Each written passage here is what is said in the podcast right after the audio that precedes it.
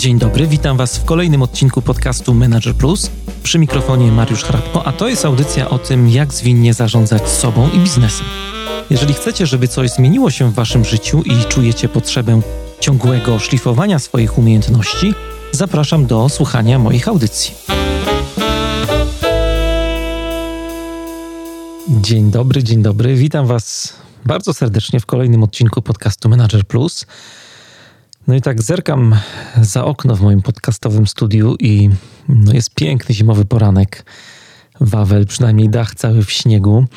No ale oczywiście u Was niekoniecznie tak być musi. Słuchacie podcastu w różnych porach, e, także roku, a nawet w różnych miejscach na świecie. Dzięki za wszystkie miłe maile, które od Was dostaję, za wszystkie głosy wsparcia. Dziękuję za te um, fajne, pozytywne kopniaki motywacyjne, no i za gwiazdki i, i recenzje w wyszukiwarce iTunes, które się pojawiają. Ostatnio y, dotarła do mnie nowa y, recenzja, opinia Marka. Y, ten podcast zmienił moje podejście do zarządzania i niesamowicie rozwinął moją świadomość lidera. Polecam go nie tylko liderom, ale każdemu, kto pracuje w zespole. Ta wiedza po prostu przydaje się w życiu. Dziękuję Marku bardzo za ten głos. Y, I tak sobie myślę o tym, co napisałeś, świadomość lidera, rozwijanie tej świadomości, to gdybym miał jakąś moc sprawczą, to cały rok y, ten, który mamy, ogłosiłbym rokiem świadomości lidera. E, nie mam takiej władzy, ale przynajmniej możemy sobie przyjąć, że tak będzie. Dzięki bardzo za te miłe słowa i zachęcam Was do zostawiania swoich recenzji w materiałach e, pod odcinkiem na stronie mariuszchrapko.com znajdziecie wszystkie potrzebne linki, które Wam ten cały proces ułatwią. On nie jest tak bardzo skomplikowany, on tak może mm, brzmi albo wygląda strasznie. No ale najprostszym sposobem, e, w jaki możecie mi pomóc w ogóle mm, rozpropagować ten podcast jeszcze bardziej, jest oczywiście marketing szeptany. Jeżeli macie w swoim otoczeniu znajomych, którzy jeszcze nie słyszeli nigdy o podcaście Menager Plus, no to to jest dobry moment, żeby przesłać im y, link do podcastu albo kilka słów zachęty, że warto. No i po tym wstępie, nie był taki długi, możemy już przejść do podcastowego mięska. Dzisiaj postanowiłem, że Wam opowiem o bardzo ważnym zjawisku we współczesnym przywództwie.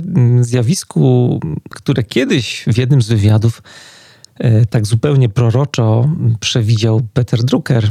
Mm, to był wywiad, którego Drucker udzielił George'owi Harrisowi. E, bardzo ciekawa postać, zarówno Drucker, jak i George Harris, e, ale Harris był redaktorem Psychology Today i później redaktorem Harvard Business Review. O Druckerze większość z nas słyszała, o Harrisie nie wszyscy, dlatego o nim mówię. E, I w tym wywiadzie George Harris zapytał Druckera o rolę menedżera w społeczeństwie opartym na wiedzy. No i Drucker, tak niewiele się zastanawiając, powiedział: Musicie nauczyć się zarządzać w sytuacjach, w których nie macie władzy w sytuacjach, w których nie możecie rozkazywać, w których y, ani nie jesteście kontrolowani, ani nie sprawujecie kontroli. Koniec cytatu. No i dzisiaj właśnie o takim zarządzaniu bez władzy chciałbym Wam trochę poopowiadać. Tak na dobrą sprawę y, ten temat podzieliłem na dwie części, także dzisiaj będzie pierwszy odcinek taki trochę wprowadzający y, w tematykę, a w kolejnym odcinku, który ukaże się już za tydzień, a więc wyjątkowo wcześniej, nie za dwa tygodnie. E, opowiem Wam o takich bardziej konkretnych, może praktycznych e, rzeczach, które stosuję w pracy, właśnie nad tym, żeby liderom pracowało się lżej, lepiej, żeby odnaleźli swoją rolę właśnie e, w tym zarządzaniu bez władzy. I tak na dobrą sprawę to jest temat, który dotyka samozarządzania zespołów, samozarządzania, czyli takiego podejścia do pracy, w którym zespół sam właśnie organizuje swoją pracę, sam nią zarządza, e, sam sobie przydziela zadania, sam śledzi postępy pracy, zarządza jej procesem. No, tak w dużym skrócie można powiedzieć, że e, ten zespół jest menedżerem samego siebie trochę. E, samorganizacja zespołu albo lepiej samo zarządzanie może Ja będę używał zamiennie tych dwóch słów.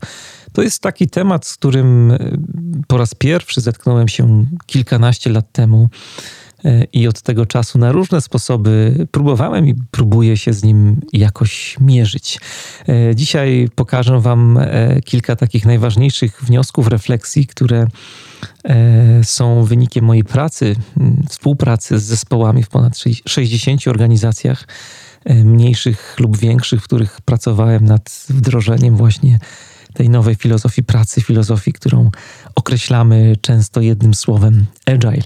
E, samoorganizacja to jest e, temat na tyle ważny we współczesnym przywództwie, że e, postanowiliśmy poświęcić mu cały odrębny blok też na studiach podyplomowych Agile Leadership, które wystartowały w ubiegłym roku. Pierwsza edycja studiów na Uniwersytecie SWPS. No i Myślę, że dzisiaj właśnie i w kolejnym odcinku e, trochę Wam e, uszczknę z tego tematu, który właśnie tak trochę został rozpropagowany, tak jak sobie o tym na spokojnie myślę, właśnie za pomocą metod Agile, mimo że samoorganizacja, samozarządzanie jako idea e, pracy zespołów wcale nie jest jakby zasługą Agile, jakby Agile wchłonął ten temat, ten temat podobnie jak kolejny element pracy zespołowej, który wpływa niesamowicie na efektywność zespołów, to jest interdyscyplinarność. Trochę o interdyscyplinarności już w podcaście Manager Plus było, natomiast o samoorganizacji aż tak wiele Wam nie opowiadałem. Jeżeli e, sięgniemy sobie do e, manifestu Agile, dla niewtajemniczonych to jest taki dokument E, z roku 2001. Mm, dokument, który określa takie podstawowe zasady zwinności, można powiedzieć, e, i wśród pryncypiów tego, co to znaczy być agile, czy pracy zwinnej, zasada 11 mówi, że najlepsza architektura, wymagania i projekty powstają w samoorganizujących się zespołach. To oczywiście E, nie chodzi albo nie, nie, powinniście odnosić tego tylko i wyłącznie do zespołów stricte IT, chociaż jakby e, to, co usłyszeliśmy, jakby sugerowałoby, że mówimy o zespołach deweloperskich, to jednak pamiętajcie i to e, dużo tutaj w podcaście też podkreślam, często podkreślam, że Agile jako filozofia pracy i zarządzania i przywództwa to jest takie podejście dość uniwersalne i sam od kilku dobrych lat mam taką misję życiową, żeby o Agile opowiadać i, i, stosować te metody, pokazywać, że można nie tylko w organizacjach związanych z branżą informatyczną, ale też w organizacjach, które no, z IT tak wiele wspólnego nie mają. I dobrym przykładem jest, myślę, tutaj też lista 12 takich przypadków, case studies, który opublikował Frederick Laloux w znakomitej książce Pracować Inaczej. Podlinkuję ją w materiałach e, do tego odcinka. I tam, jak sobie poczytacie o tych case'ach, które Fredrik e, wyciągnął na powierzchnię, które pokazał, to zobaczycie, że e, o samoorganizacji ten temat w kontekście pracy zespołowej jest bardzo ważny, bez względu na branżę. On tam przytacza przykłady zespołu pielęgniarek, zespołów mechaników, e, zespołów, które zajmują się chociażby przetwórstwem pomidorów, a więc branże są bardzo różne a idea samozarządzania jest dla nich wspólna i też przyczynia się do tego, że te zespoły pracują niesamowicie efektywnie. Dotykając tematu samoorganizacji, taką pierwszą rzeczą, mm, która się jawi, tak jak sobie myślę o tym wszystkim, co widziałem i, i, i nad czym pracowałem z zespołami, to są dwa różne jakby modele przywództwa. Zderzamy się, myśląc o samoorganizacji, czy pracując z samoorganizacją, nad zupełnie innym modelem przywództwa niż powiedzmy w takim e, tradycyjnym e, systemie pracy. E, jak ten model się zmienia? Bo to, że się zmienia, to nie mamy wątpliwości. No pierwszy model przywództwa, tak jak już mówiłem, który moglibyśmy nazwać, czy, czy powiązać z jakimś takim tradycyjnym podejściem do bycia liderem, E, można by określić modelem leader-follower, czyli taki lider naśladowca. No jest to takie przywództwo, które bardzo mocno opiera się na osobowości lidera. Followersi, naśladowcy idą za silnym liderem, liderem, który jest kimś, który ma to coś, który potrafi wpływać na ludzi y, i który potrafi pociągać ich za sobą i zapalać do takiej wspólnej pracy. No ale, no ale właśnie, kiedy taki lider odchodzi z pracy, to nagle się okazuje, że followersom zaczyna go brakować. Y, I to też oczywiście może mieć konkretne przełożenie na wyniki pracy followersów, y, którzy wcześniej pracowali z tym takim silnym liderem. Ale z drugiej strony to jest też bardzo dobry model, przyznacie, dla lidera, no bo daje ogromną satysfakcję temu liderowi, e, dowartościowywuje go w jakiś sposób, wzmacnia jego pewność siebie, ale z drugiej strony to jest model, który no niestety osłabia pracowników, no bo e, uzależnia ich od tej silnej osobowości lidera właśnie. W firmach taki model często niestety wiąże się też z taką mm, konkretną kontrolą przez lidera tego, co robią pracownicy. No i koncentrowaniem decyzyjności, sprawczości właśnie w rękach lidera. Jeśli chodzi o samo zarządzanie zespołu, to tutaj jak zaczniecie albo pracujecie z tym e, podejściem, to mm, możecie szybko się zorientować, że ten model jest trochę inny, jeśli chodzi o przywództwo. To jest taki model, który moglibyśmy nazwać, określić jako model lider-lider.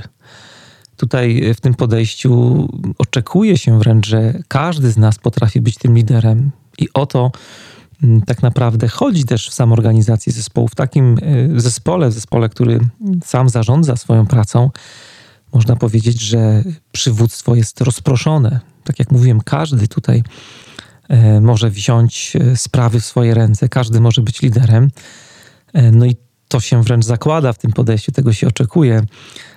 No i w tym, w tym modelu E, przywództwo, mm, jak się pewnie domyślacie, nie jest jakąś mistyczną cechą wybranych jednostek. E, przywództwo nie jest tylko zarezerwowane dla osób, które no jakoś tak specjalnie namaściła do tego organizacja. E, ale w tym modelu właśnie przywództwo jest taką naturalną, można powiedzieć, dyspozycją każdego członka zespołu. W modelu lider-lider te wyniki pracy, o których wcześniej Wam wspominałem, e, wyniki pracy zespołu nie są powiązane z tą silną osobowością lidera. No i też inaczej zupełnie rozkłada się odpowiedzialność e, za pracę, za, za produkt. W ogóle temat odpowiedzialności zespołu w tych systemach samoorganizujących się jest bardzo ciekawy e, i bardzo obiecujący w porównaniu do tradycyjnego zarządzania. Tutaj faktycznie ludzie, jak już poczują się liderami, E, to nabierają takiego poczucia odpowiedzialności za to, co się dzieje, za siebie też, za relacje, ale e, też za produkt, który jest wytwarzany, który powstaje z wynikiem ich pracy. No i warto powiedzieć, że jeśli chodzi o struktury, to w takim zespole mm, jest dużo więcej elastyczności. Czy mm, podobnie jest też z granicami odpowiedzialności? To jest taki model, w którym te granice, w miarę jak wzrasta odpowiedzialność członka takiego zespołu, jak ten ktoś czuje się bardziej liderem, te granice się rozszerzają. To jest bardzo ciekawe. To jest tak, jak e, byśmy mogli porównać tradycyjny e, system przywództwa. Tam też są oczywiście granice, ale te granice przypominają bardziej granice z drutu kolczastego, a tutaj te granice są bardziej takie gumowe, takie rozciągliwe, elastyczne. Oczywiście to zależy od tego, w, jak, w jaki sposób E, ten ktoś, ten członek w zespole dojrzewa jako lider, ale czujecie, że jak ten ktoś dojrzewa i, i e, czuje się tym liderem, staje się tym liderem w zespole, podobnie jak każdy inny członek tego zespołu, to też ta jego odpowiedzialność, czy poczucie odpowiedzialności się e, automatycznie rozszerza. No i to jest taki model, który multiplikuje przywódców, można powiedzieć, e, multiplikuje zachowania liderskie też w całej e, organizacji. No i właśnie to jest model, model lider-lider, to jest taki model, który występuje w samoorganizujących się zespołach. Kolejny punkt, e, oprócz zmiany modelu przywództwa, którego mm, chciałbym dotknąć, może od którego chciałbym zacząć, to jest to, jak się zabrać za myślenie, za wdrażanie w ogóle samoorganizacji w zespołach. Jak wprowadzać taką koncepcję przywództwa e, w firmie, w zespole, jak stworzyć taki zespół, który właśnie sam zarządza swoją pracą, pracą, który jest odpowiedzialny, który składa się z liderów, w którym przywództwo jest właśnie takie rozproszone, rozdystrybuowane na różne, na różne osoby. Ja przyznam szczerze, że bardzo długo obwąchiwałem się z, tem, z tym tematem. Bardzo długo też badałem różne możliwości, testowałem e, podejścia różne. E, I myślę, że moje doświadczenia w całej tej sprawie chyba najlepiej e, odda cytat, który pochodzi z książki Roberta Skinnera i Johna Cleesa. Książki, która ma tytuł Żyć w tym świecie i przetrwać. Ja już kilka razy Wam polecałem przy różnych okazjach, czy w social mediach, czy E, gdzieś w newsletterze, w podcaście również znakomita rzecz, ta książka, napisana przez e, brytyjskiego psychoterapeutę Roberta Skinnera, nieżyjącego już niestety, i Johna Cleesa, komika, która myślę, że wielu z Was nie trzeba tej osoby jakoś specjalnie przedstawiać, członek grupy Monty Pythona, więc to już wszystko wyjaśnia. Książka jest nietypowa, bo jest to jakby taka, ona ma formułę wywiadu, rozmowy między Skinnerem i Cleesem domyślacie się, że jest dużo brytyjskiego humoru, bardzo specyficznego, też szalenie mi się to podoba. E, no jest to też pewna kontynuacja e, tej pierwszej książki, ich autorstwa Żyć w rodzinie i przetrwać. Dwie książki warto mieć na swojej półce mm, liderskiej. Gdybym tak miał wam w jednym zdaniu powiedzieć, o czym jest ta książka, to powiedziałbym, że jest to książka o zdrowych rodzinach po prostu co decyduje o tym, że rodziny są zdrowe. Jedne są zdrowe, inne nie, jedne są normalne, inne mniej. Ale tak na dobrą sprawę to jest tylko pretekst do tego, żeby porozmawiać o tym wszystkim, co jest gdzieś poza kontekstem rodzinnym, o naszych zachowaniach w pracy, o zachowaniach e, firm, organizacji, o zachowaniach też całych społeczeństw. Jest też e, o wartościach, dużo jest o duchowości. Bardzo ciekawa lektura dla ludzi, którzy nie boją się myśleć. To tyle reklamy, książki, a teraz może idźmy do cytatu w końcu, który Wam obiecałem e, przytoczyć. Cytat jest trochę dłuższy, ale warto się nad nim pochylić, warto go trochę tak pozgłębiać, pomedytować. Ruszamy. Kiedy pracowałem jako konsultant w różnych instytucjach, zawsze intrygował mnie fakt, że nawet na najmniejszą skalę nie można dojść do demokracji w całkowicie demokratyczny sposób. Wydaje mi się, że wymaga to okresu łagodnej dyktatury sprawowanej przez osobę, która głęboko wierzy w demokrację i w odpowiednim momencie potrafi zrezygnować z tej władzy, tak jak robią to wszyscy dobrzy rodzice, którzy pomagają swoim dzieciom dorosnąć. Nic tutaj bym nie dodał do tego cytatu. Poza tym, że jeżeli przeniesiecie to na obszar właśnie zwinności, na obszar, na obszar e, pracy z filozofią agile, na obszar e, wdrażania samoorganizacji w zespole, to myślę, że ten cytat oddaje tutaj e, wszystko. Na początku wydaje się, że jest właśnie potrzebny taki okres łagodnej dyktatury. Potrzebny jest ktoś, potrzebny jest lider, który z jednej strony wierzy w system, czyli wierzy w to, że e, takie zwinne podejście do pracy, taka zwinna mentalność, takie zwinne przywództwo, no ma sens, że jest to system jedyny słuszny. E, no i z drugiej strony ten lider e, ma też taką umiejętność zrezygnowania z władzy. Czyli wiara w system to jest jeden czynnik i drugi czynnik czy atrybut takiego lidera to jest umiejętność zrezygnowania z władzy. Tak jak robią to wszyscy dobrzy rodzice. Cała książka jest o tym właśnie, jak te elementy zdrowych rodzin y, możemy przenieść na te takie wyższe struktury poza kontekstem rodzinnym, właśnie na firmy, na społeczeństwa, na życie nasze też takie indywidualne, na wartości, na duchowość. Bardzo dużo jest fajnych tutaj mm, analogii. muszę Wam powiedzieć, że jak y, przytaczam ten cytat, a robię to często na różnych takich warsztatach E, dla, dla liderów. Ostatnio mieliśmy szkolenie Agile Leadership, tam też e, na temat samoorganizacji z liderami rozmawialiśmy. To bardzo często ludzie e, dziękują mi za ten cytat, szczególnie dziękują za tą, za tą wzmiankę w cytacie, za ten okres łagodnej dyktatury, bo gdzieś tam pod skórą czują, mówią, że to potwierdza ich taką naturalną intuicję, że tak właśnie, jeśli chodzi o zwinność, jeśli chodzi o agile, trzeba właśnie robić, że ta łagodna dyktatura to jest ten pierwszy krok, który trzeba zrobić, żeby ideę samozarządzania wcielić w życie, żeby wprowadzić ten nowy model pracy e, i przywództwa, potrzebny jest lider, który wierzy w system i który potrafi zrezygnować z władzy, potrafi oddać część swojej władzy. I to jest ten taki, yy, taka pierwsza decyzja, taka mocno autorytarna, którą, która musi się yy, pojawić, czyli to oddanie władzy. Nie? To, jest, to jest też pewne, pewien paradoks tutaj przy wchodzeniu w takie systemy samozarządzające się. No i to jest ta, ta rzecz związana z wprowadzaniem, z tym, jak wprowadzać właśnie samozarządzanie w zespołach i firmach. I teraz chciałbym y, zatrzymać się na chwilę przy samym tym procesie, bo mm, zobaczycie, jeżeli ktoś z Was pracował właśnie w ten sposób albo próbował ten model wdrożyć w życie, a osoby, które słyszą o nim po raz pierwszy, to też warto sobie uświadomić, że jest to taki model pracy, y, którego wprowadzanie w firmie, w organizacji wcale nie jest takie łatwe, bo tak jak obserwuję znowu, moje doświadczenia tutaj są takie i się tak nimi trochę zasłaniam, ale myślę, że to jest najcenniejsze w mówieniu o, o tych takich nowych ideach, właśnie praktyka. To tak jak obserwuję, to model ten dużo łatwiej jest zaakceptować y, i stosować liderom niż, y, niż w przypadku zespołów. Y, w zespołach bardzo często obserwuję coś, co no, lubię nazywać ucieczką od wolności.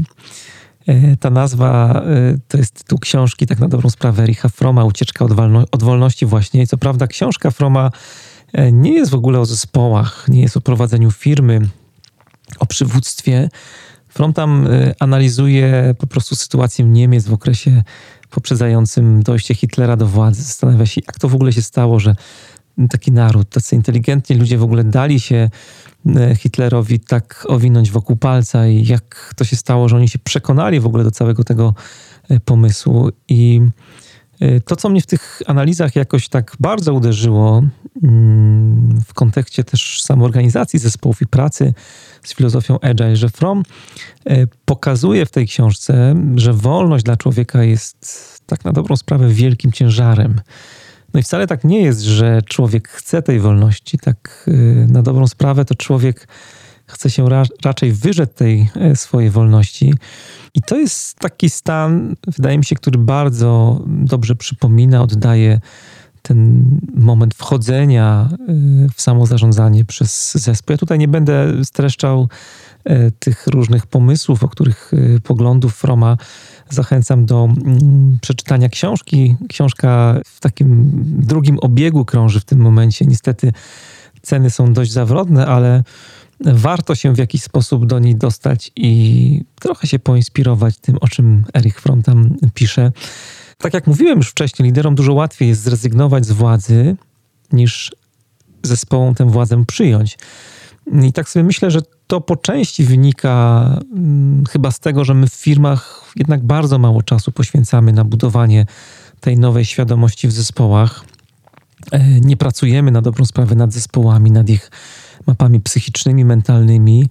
I stare podejście do zarządzania przyzwyczaiło nas trochę do tego, że no metoda, że procesy są, e, są jednak ważne. też tak jak rozmawiam z liderami w różnych organizacjach, które mierzą się z wdrażaniem e, filozofii zwinnej, agile'a, Y, samozarządzania, bo to jest jakby element też bardzo ważny pracy tych zespołów, to my jednak szukamy ciągle jakichś takich magicznych pigułek, recept, które nam wiem, rozwiążą bardzo szybko y, wszystkie nasze problemy i jakoś tak wikłamy się trochę, y, łudzimy może, ulegamy takiej iluzji różnych procesów, narzędzi, metod, że to tak naprawdę załatwi sprawę, a nie pracujemy nad relacjami, nad zespołem, nad komunikacją, nad tymi wszystkimi aspektami, które wiążą się też z mapą mentalną ludzi, z mindsetem.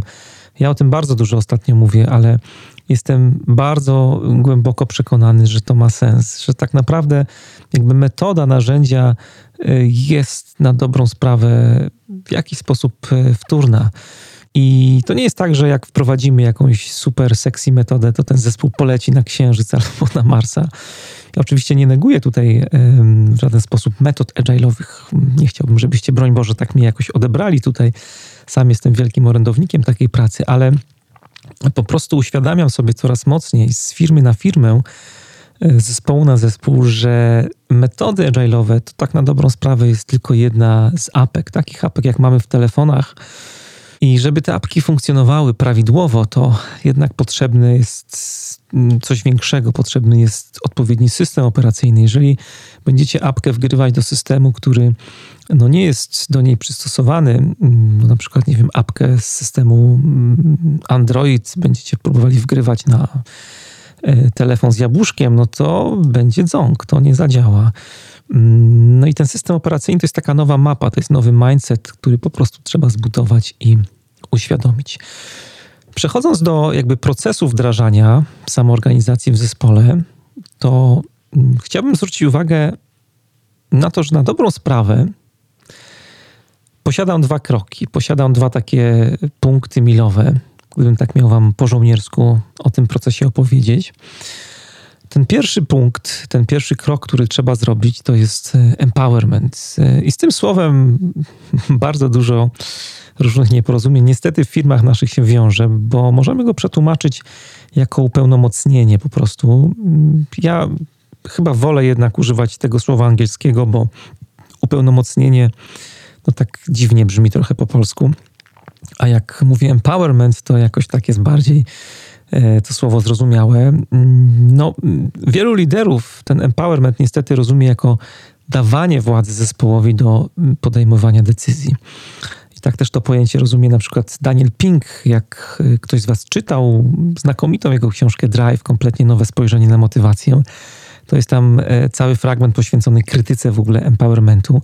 No i widać, że Pink właśnie rozumie ten empowerment dokładnie tak jak e, no, większość liderów w naszych firmach. No i ja też w pewien sposób to kupuję, bo jeżeli liderzy, czy jeżeli ktoś, czy Pink właśnie na przykład potraktuje empowerment jako pewną sytuację, w której e, oddaje się władzę pracownikowi, to w ten sposób od razu pokazujemy, że to wy sprawujecie nad tym pracownikiem kontrolę.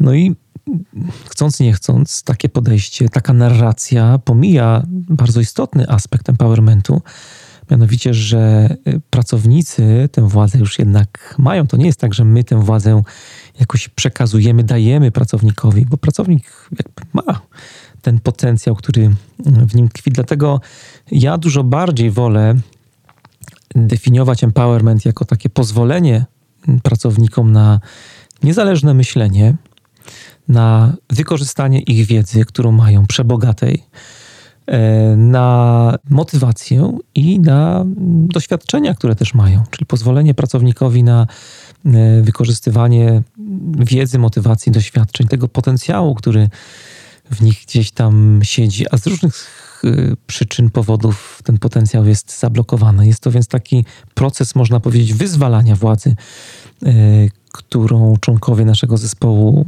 już mają, ale ze względu na system pracy z tej władzy w ogóle nie korzystają. E, empowerment, usamodzielnienie zespołu to jest takie ukierunkowanie siły, która wynika z potencjału mm, członków zespołu, ukierunkowanie siły na wyniki, na mm, jakiś efekt, na sukces pracy nad rozwojem jakiegoś produktu. No i znowu to budowanie takiej kultury empowermentu jest niezwykle trudne, bo tak jak wspominałem, dużo trudniej jest wejść w taką kulturę zespołowi, E, członkowie zespołu, często ich takie niektóre zachowania, przyzwyczajenia, nawyki, ale też trzeba powiedzieć, że siła tradycji tego, ja lubię to słowo, takie jest trochę staropolskie, ale e, fajnie oddaje o co chodzi, dziedzictwo, czyli siła dziedzictwa mentalnego, organizacyjnego, może skutecznie blokować ten proces. Dlatego to, co wspólnie mm, próbujemy na przykład z liderami przepracowywać na studiach podyplomowych, o których Wam wspominałem, Agile Leadership to jest rozłożenie tego procesu na części pierwsze i pokazanie narzędzi, które na każdym z etapów pracy z tym zespołem można stosować. Czyli jak przejść z sukcesem od empowermentu do emancypacji zespołu. I tutaj wprowadzę kolejny krok od razu, tak płynnie. Właśnie emancypacja to nie jest jakby pojęcie moje, które akurat zaaplikowałem do tego pomysłu, ale skradłem go Davidowi Marketowi, e, autorowi książki Zmień kurs przywództwa, o której kiedyś już e, wspominaliśmy w podcaście Manager Plus. Cały odcinek e, był poświęcony temu tematowi. Zachęcam do odwiedzenia, będzie w linku do dzisiejszego odcinka, jakby ktoś chciał sobie odświeżyć. Można powiedzieć, że emancypacja zespołu to jest taki zen samoorganizacji, to jest de facto samozarządzanie w czystej postaci. To słowo ma różne znaczenia, tak sięgając do języka łacińskiego, skąd pochodzi ten źródło słów emancipatio, to jest wypuszczenie z rąk jakby. No i tak na dobrą sprawę emancypacja to jest jakby wyzwolenie czy obdarzenie kogoś pełnią praw. I tutaj dlatego to słowo bardzo dobrze pasuje, bo od empowermentu idziemy w kierunku jakby obdarzenia E, zespołu, który pracuje w organizacji, który sam zarządza swoją pracą taką pełnią, e, pełnią praw. W prawie rzymskim na początku emancypacja odnosiła się do wyzwolenia spod władzy ojcowskiej, a później e, to pojęcie było często łączone właśnie z, jakby z wyswobodzeniem z jakiejś dyskryminacji, na przykład niewolnicy, czy równouprawnienie kobiet, grupy etniczne, religijne i tak dalej, i tak dalej. U nas można powiedzieć, że emancypacja będzie oznaczała obdarzenie zespół pełnią praw albo to już tak bardziej negatywnie brzmi, wyzwolenie spod władzy lidera, bo no nie jest tak, że lider jest tyranem i musimy się jakoś oswobadzać z jego tutaj władzy. Bardziej, bardziej pasuje to obdarzanie pełnią praw e, zespół. No i David Market mówi, e, że twój zespół jest wyemancypowany, jeżeli już nie potrzebujesz go usamodzielniać. Czyli mamy takie dwa solidne kroki pracy nad samoorganizacją zespołu. Ten pierwszy krok to jest empowerment, a drugi krok to y, emancypacja. I jak zaczniecie przymierzać się do y, pracy nad samoorganizacją zespołu, to szybko zobaczycie, że między tym empowermentem, tym pierwszym krokiem, a tym stanem takim zen samozarządzania, czyli emancypacją, pojawi się zjawisko, które lubię nazywać próżnią przywódczą. No bo z jednej strony liderzy, którzy inicjują proces budowania tej kultury empowermentu, no, brakuje im trochę wiedzy i, i, i, pewności siebie, co tak naprawdę trzeba zrobić, czego się od nich oczekuje. Czy, czy ja jako lider powinienem się w ogóle aktywnie angażować w ten proces? Powinienem udzielać jakichś instrukcji, być nauczycielem? No tak czy nie, no bo przecież skoro zespół ma sam jakby kombinować, ma być sam takim startupowiczem, no to ja chyba nie powinienem się mu wtrącać w ogóle. E, może powinienem się wycofać i czekać, przejść w taki tryb e, stand-by'u trochę.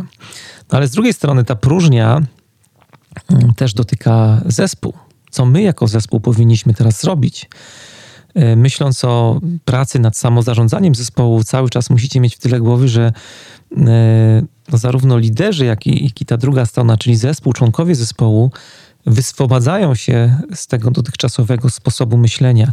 To wyswobadzanie y, dotyczy też mindsetu, jakby oduczania się y, tego, do czego ludzie byli przyzwyczajeni przez lata całe czasami narzędzi, procesów, mierników, z których korzystali, sposobu pracy i tak dalej, i tak. Wcześniej e, bardzo możliwe, że byli przyzwyczajeni do takiego funkcjonowania w ramach jakiejś hierarchii może, w hierarchii, w której ktoś za nich e, podejmował decyzję, ktoś za nich brał odpowiedzialność, no teraz muszą wziąć sprawy w swoje ręce i, i wiele się nauczyć, a z nauką jest tak, że często wiąże się z frustracją. I to jest normalne, bo bez frustracji, bez jakiegoś takiego bólu, no nie byłoby zmiany, nie rozwijalibyśmy się, ale jednak jest to taki moment, który może nas skutecznie mm, zblokować.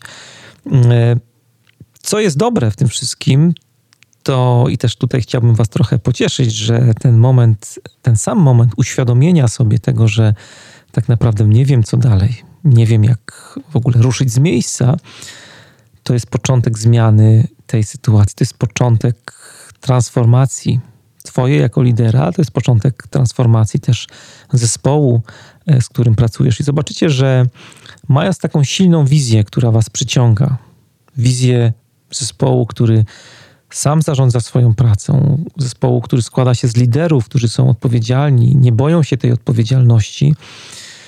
E, jeżeli będziecie pamiętać, oprócz tej wizji o takiej stałej i powiedziałbym otwartej komunikacji z zespołem, to sytuacja krok po kroku zacznie się stopniowo zmieniać.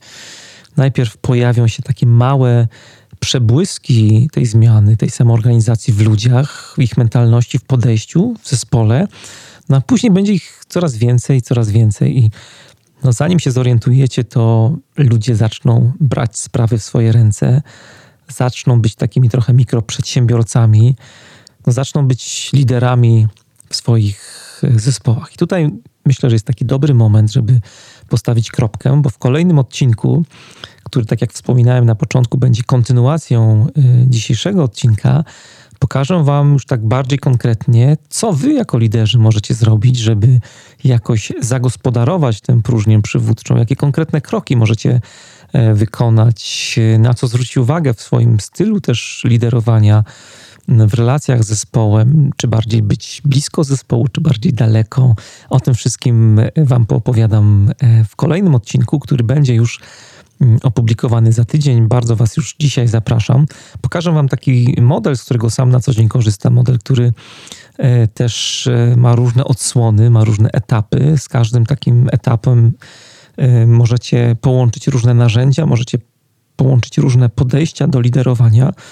Wszystko to ma Wam pomóc, tak jak pomogło mnie właśnie w budowaniu, w rozwijaniu samoorganizacji w zespole, także w kontekście Waszej relacji jako liderów z tym zespołem. Na koniec y, chciałbym jeszcze tylko przypomnieć, że trwa rekrutacja do drugiej edycji studiów y, podyplomowych Agile Leadership na Uniwersytecie SWPS w Warszawie no gdzie, tak jak wspominałem już dzisiaj w trakcie audycji, jeden cały moduł poświęciliśmy tematowi samorganizacji zespołu i dzisiaj i w kolejnym odcinku taką małą próbkę Wam udostępniam tego, co, to, co Was tam czeka, jeśli e, chodzi o ten temat właśnie samozarządzania zespołów. My go ogramy jakby z dwóch stron i od strony takiej naukowej, będzie na temat samoorganizacji miał e, wykład profesor Wojciech Kulesza, o którym Wam już tutaj wspominałem, taki profesor nowej generacji. E, bardzo ciekawa e, osoba i będzie też mocne wsparcie praktyczne. Będzie seria warsztatów z różnymi osobami, z różnymi perspektywami, y, które Was przeprowadzą i pozwolą Wam, pomogą Wam się trochę obwąchać z tym tematem i też wyposażą Was w jakieś takie konkretne narzędzia, które pozwolą Wam e, pracować. E, ja tutaj bardzo zachęcam do takiego warsztatu, który wspólnie poprowadzę e, z żołnierzem sił specjalnych, którego niestety tożsamości nie mogę wyjawić, bo jest to żołnierz czynny i różne tutaj klauzule poufności mnie obowiązują, ale powiem tylko, że przeprowadzimy warsztaty, w których zobaczycie, jak empowerment, jak samozarządzanie może wyglądać i można go wdrażać, stosować w pracy jednostek bojowych, jak się namawialiśmy na ten warsztat wspólnie i, i słuchałem tutaj pilnie jak to wszystko wygląda od, od strony właśnie mm, takich sił specjalnych, jak oni ogrywają różne akcje bojowe, no to otwierały mi się oczy ze zdumienia, jak wiele takich fajnych punktów wspólnych można tutaj znaleźć e, i też ciekawych inspiracji, które tak w zasadzie od ręki będziecie mogli zastosować w pracy swoich e, zespołów, właśnie w zmierzeniu się z tematem e, samoorganizacji. Oprócz tego też przygotowaliśmy zajęcia z Pawłem Burczykiem, aktorem, którego na pewno kojarzycie z 13 posterunku. Pokażę Wam, jak wykorzystać techniki aktor, aktorskie do pracy właśnie nad relacją, nad rozwijaniem relacji w kontekście samoorganizacji lidera i zespołu. Będzie też filharmonia przywództwa bardzo innowacyjne podejście, które mm, pomoże Wam odkryć Wasze przywództwo e, właśnie na przykładzie prowadzenia chóru, bycia dyrygentem chóru, ale też wcielania się w różne role związane z chórem, więc bardzo szalony pomysł. E, prowadzi ten warsztat Bela Krynicka i Marcin Chydziński. Wszystkie szczegóły już tutaj nie będę Was e, zadręczał opowieściami, o tym, co Was tam czeka, ale wszystkie szczegóły związane z naborem, program, notki wykładowców znajdziecie w materiałach pod dzisiejszym odcinkiem oraz na stronie studiów swps.pl. I to już wszystko na dzisiaj. Dziękuję za dzisiaj. Zapraszam za tydzień do kolejnej odsłony o samoorganizacji. Ja się nazywam Mariusz Hrabko. E, trzymajcie się i do usłyszenia.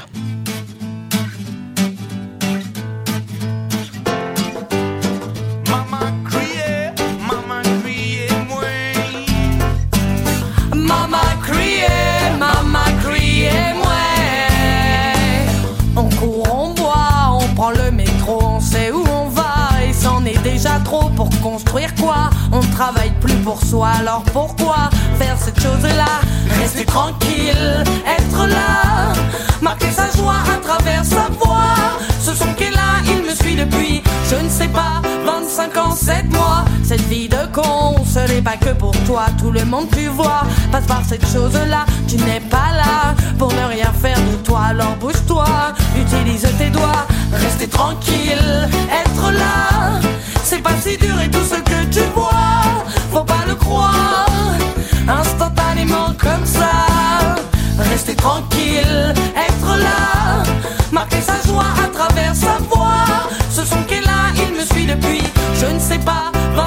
sept mois.